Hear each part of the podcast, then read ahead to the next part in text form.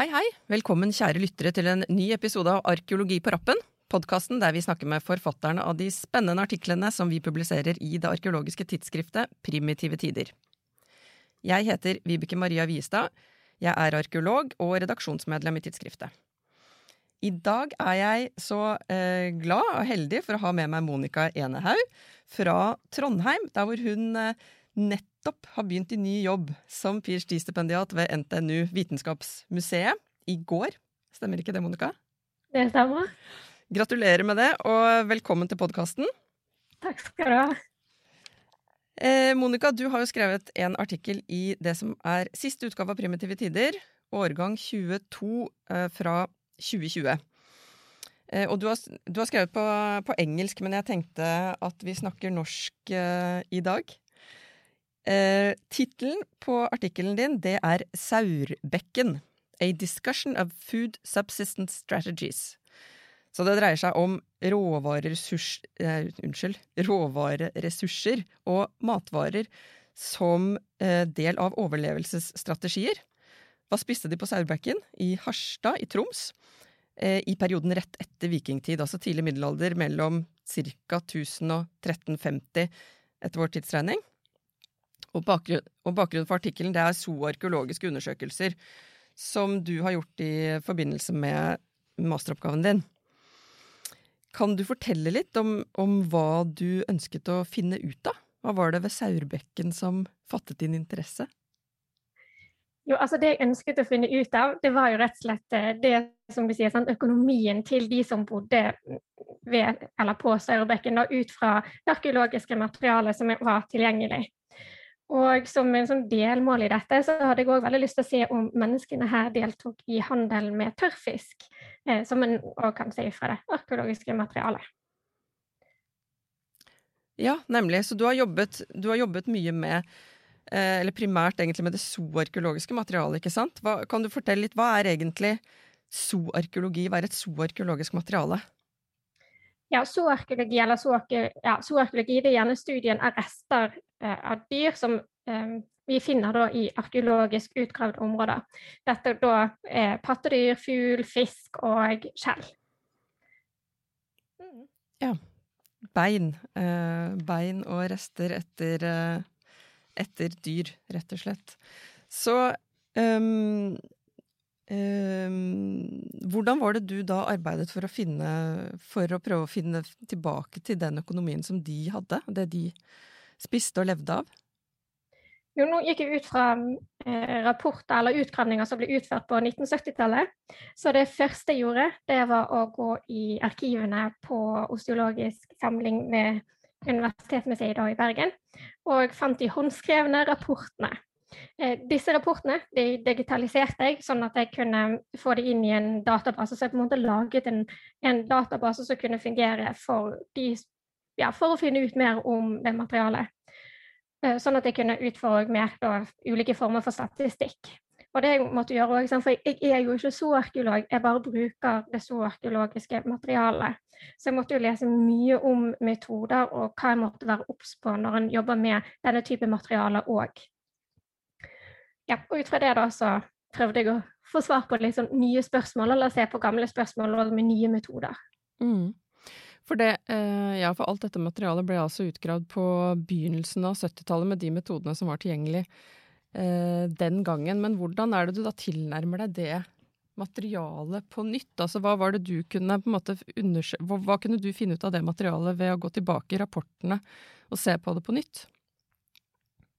altså, det er jo en del metoder som har kommet da, bl.a. som vi ikke hadde som ikke var da på 1970-tallet. Så det med å digitalisere det, så kan du òg spørre mange spørsmål på en gjerne litt annen måte. Og eh, det som bl.a. jeg så på som um, ikke var gjort før, det var jo det der med, med selve um, fordelingen av f.eks. hode-kropp på fisken, for å se om det ble brukt i tørrfiskhandel. For det, allerede i 1973 eller 1974 så gjorde jo Bertelsen en, en, forløp, altså en analyse av beinmaterialet som var tilgjengelig i sin magisteravhandling. Eh, sånn at jeg så på det igjen, og så sammenlignet jeg òg de resultatene som vi hadde. Eh, og jeg så på liksom eh, metodene som han har brukt, og hva vi vet i dag. Og så brukte jeg òg tafonomi da, for å forstå den samlingen med bein som vi ser er til stede nå på Saurbekken. Ja. Eh, men jeg, eh, jeg, tenkte også på dette med at du har jo gått inn og sett mer spesifikt på hvilke arter, og ikke bare på en måte overordnet om det er fisk eller pattedyr f.eks., men du har på en måte kunnet se nærmere også på hva slags underarter um, i, i materialet som de har.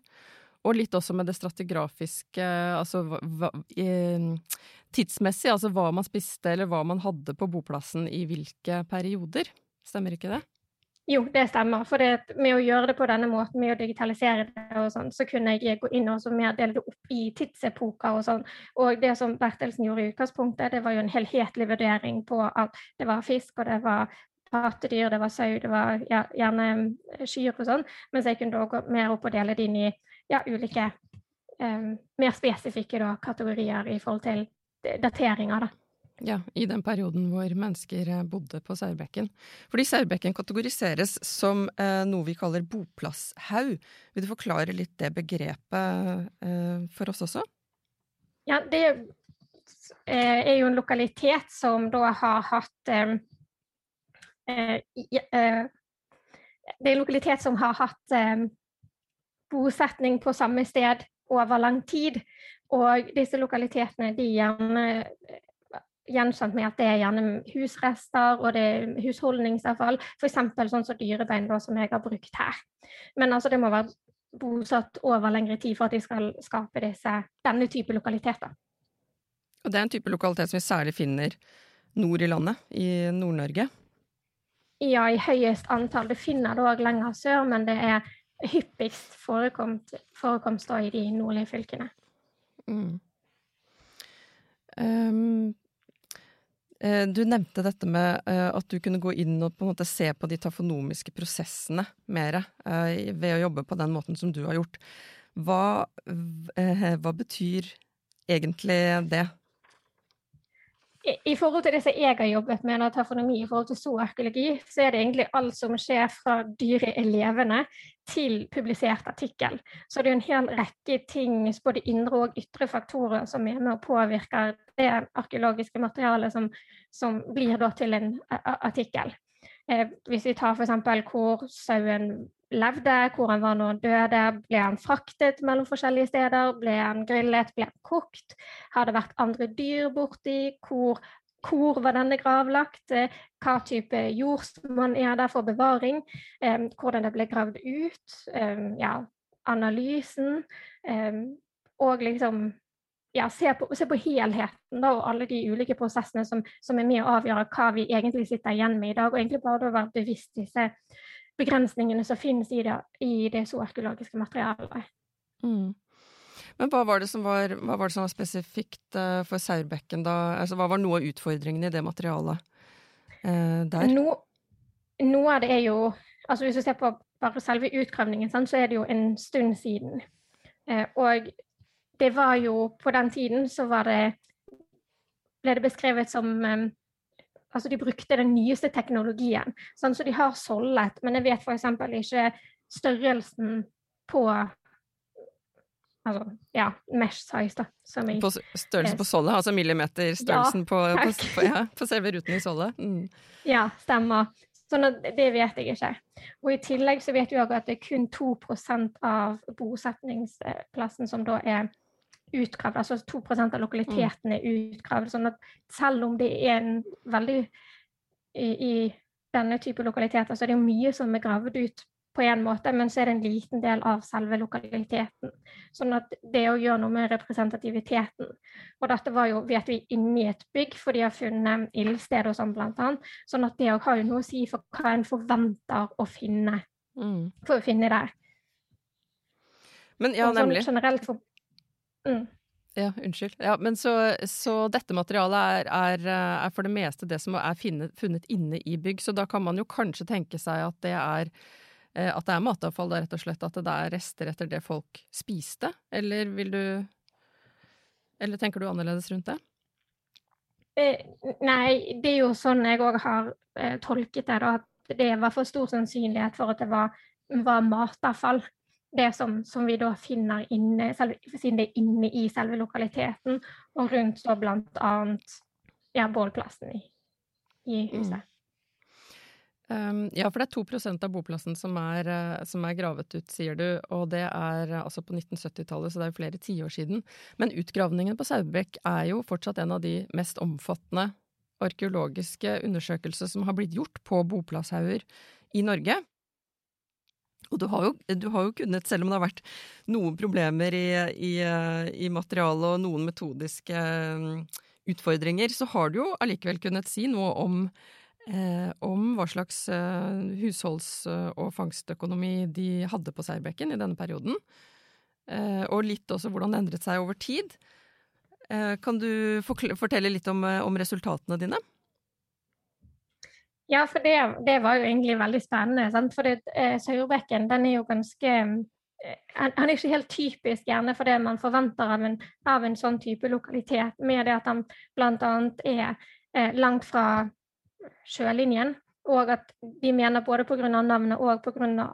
at han etter svartedauden ble forlatt, så det, det, blir han tolket som en, en marginalisert bosetning.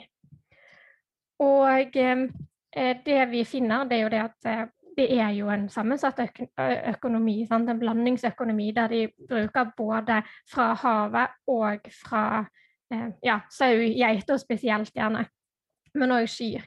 Eh, sånn det, og det er jo ganske typisk.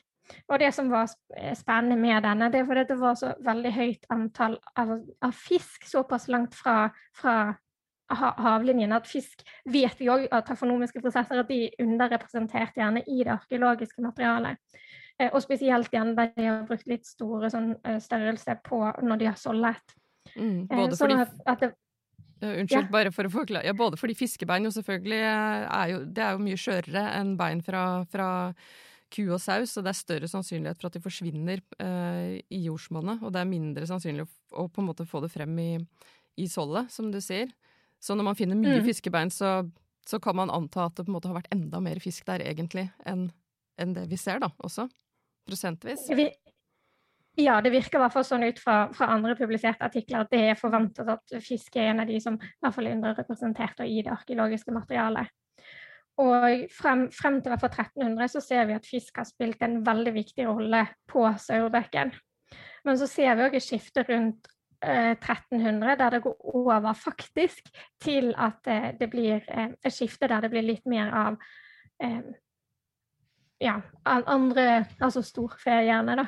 Eller mm sau jeg spesielt. Men, men, dette kan jo òg ha med representativitet å gjøre, sånn, for det er høyt oppe, det er tett med det som er det øverste laget. Så, um, men det er i hvert fall veldig mm. spennende trend, for det var ganske ut fra det vi har tilgjengelig, markant skifte i, i, det arkeologiske materialet, det så arkeologiske materialet. Ja. Men du, du, sa, du, skriver også at du hadde et ønske om å prøve å, si, eh, prøve å, å vurdere hvorvidt Særbekken var en del av tørrfiskproduksjon og eksport. Er det noe som eventuelt kan Som du kan si noe om i forhold til det skiftet? Altså kan det ha vært mer fisk har gått til tørrfiskproduksjon, eksempel? Altså nå bare Nå bare på en måte tenker jeg ut ifra det jeg har lest da, eh, i din artikkel, som er veldig spennende. Kan det ha vært en, eh, et skifte der? At det har noe å si for den utviklingen? Det, det, kan det. For det det som, som, blir beskrevet andre steder, bl.a. i artikkelen om Våger fra 2014, mener jeg det var. Der, der sier de jo nettopp det, sant, at de forventer at tørrfiskproduksjonen, altså i hvert fall av klargjøring av fisken, det har skjedd gjerne med eh, strandlinjen. Og hvis det har skjedd med Saurbekken, sånn, så vil du ikke forvente å finne fisk så langt vekke fra selve strandlinjen, og at det da gjerne har blitt mindre til spising, men også mer til gjerne eksport. Men det kan ikke jeg se på en måte ut fra det materialet jeg har tilgjengelig. da. For ut fra det materialet som jeg har, og proporsjonene mellom hode og kropp, så, er det, så ser vi at de spiste fisken på Sauerbekken. Mm, ja. Men du har også sammenlignet eh, resultatene fra Sauerbekken med en annen boplasshaug som er, ligger eh, i nærheten på Soløy, og som ble utgravd eh, også for noen tiår siden nå, da, men senere enn Sauerbekken. Um, hva, hvordan hjalp måte den sammenligningen deg uh, uh, i ditt arbeid? Jo, for det som var med både Soløy og Sørbekken, det er jo at begge ligger lenger fra strandlinjen enn det som var vanlig. Så begge er litt sånn utypiske for det den forventer av denne lokaliteten.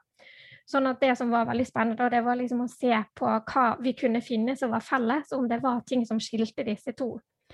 Og, eh, og, det hjelper jo meg å sette det på en måte mer inn i en, i en kontekst som jeg kan si at det som jeg så på Sørbrekken var helt typisk, eller om det var om, om, det da varierer litt fra det en ser på andre, andre bosetninger. Og, og, og, det gjorde det, gjorde det ikke det? Altså det varierte litt. Så hvordan var det på Soløy eh, til forskjell fra Særbekken? Jo, det som vi ser på Soløy, det er jo Altså der var det mye mindre bein, så jeg kan si litt mindre om det. For Der òg var det blandingsøkonomi, så det hadde de til felles. At begge to var avhengig både av landskap og sjøen for, for økonomien. Men på Soløy, ut fra det vi kan se, med alle mulige forbehold, så ser vi òg at det er De har en hovedfokus på på pattedyrene, eller sånn på sau, geit spesielt, gjerne også på, på kyr, men mindre da fra havet. Og dette er stabilt og gjennom hele bosetningen, som så vidt vi kan se ut fra det materialet som da er tilgjengelig. Eh, mens det da, for det første så har de hovedfokus på landdyr, mens Sørbekken da har på sjøen, i hvert fall i begynnelsen. Og at det skiftet som vi ser skjer på Sørbrekken, det ser vi ikke skjer. Altså det holder seg stabilt da på Soløy. Mm. Så selv om dette er boplasser som egentlig ligger, altså som er samtidige, og som ligger ganske likt i landskapet og ikke veldig langt fra hverandre, så har de hatt til dels ulike økonomi- og, og overlevelsesstrategier allikevel, da. Jeg la spesielt merke ja. til Ja, unnskyld. Jeg la spesielt merke til um, til uh, uh, et lite uh, En liten detalj om snegler, sjøsnegler. At på Særbekken så, så, har de antagelig også spist mye sjøsnegler som en del av, av dietten. Du, har du noen tanker rundt det? Altså det tenker jeg også er ganske sånn distinkt forskjellig, da. Eh, hvis man spiste mye av det et sted, og ikke i det hele tatt et annet sted. Ja, ja, for det er jo veldig spennende. Sant? Fordi det, eh, så vidt jeg kunne se, så var det ikke noen steder det sto at disse hadde blitt manipulert til smykker eller andre ting. Sant? Sånn at, um, at de har blitt spist, det kan i hvert fall se sånn ut.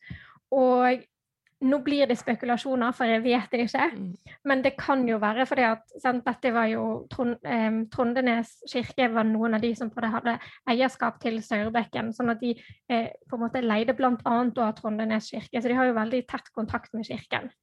Og det med skjell og sånt, det gikk gjerne under sjømat, og sjømat det var jo lov til å spise f.eks. om fredagen når det da skulle være faste, som da betydde da ikke nødvendigvis at de ikke skulle spise, men at de ikke skulle spise kjøtt.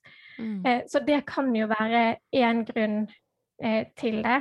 Og så vet vi òg at skjell trives på forskjellige Eh, altså forskjellige typer tang og sånn, så det kan jo ha noe med det å gjøre. Men, men dette blir spekulasjoner fra min mm. side. Jeg vet altså, jeg har ikke noen gode svar. Men kjempespennende. og Absolutt noe som hadde vært gøy å sette videre. Ja, Sånn er det i arkeologien. At det er veldig ofte når man går inn i et materiale, så finner man noen svar, men enda flere nye spørsmål. ja. Det er jo det som er, eh, som er, det ordentlig gøye med faget også. Um, jeg vet at uh, du har jo nettopp begynt på et doktorgradsprosjekt som til dels skal ta for seg noe av dette materialet også. Har du lyst til å avslutningsvis si litt eh, kort om hva du skal jobbe med i årene fremover? Ja, jeg, skal, jeg, jeg syns det var veldig spennende med altså Jeg liker veldig godt middelalderen. Eh, og det med å jobbe med så arkeologisk materiale, jeg syns det var utrolig givende. Sånn at jeg skal fortsette litt med det på ph.d.-en. Og eh, kombinere da zooarkeologi, spesielt fiske. Jeg skal konsentrere meg om fiskemateriale. Og kombinere det med zooarkeologi for å snakke, se om jeg kan finne ut litt mer om eh, Trondheim sin, sin, byutvikling og kontakter Trondheim da hadde gjennom da både zooarkeolog gjennom fisk og isotopanalyser. Kjempespennende. Eh, mm. Tusen takk, eh, Monica, for at du ville komme og fortelle om ditt bidrag til Primitive tider 2020. Eh, og til alle dere som hører på. Dere finner hele artikkelen åpent tilgjengelig fra Primitive Tider sine nettsider via UiO fritt på www.journals.uio.no slash pt. Takk for nå, og på gjenhør.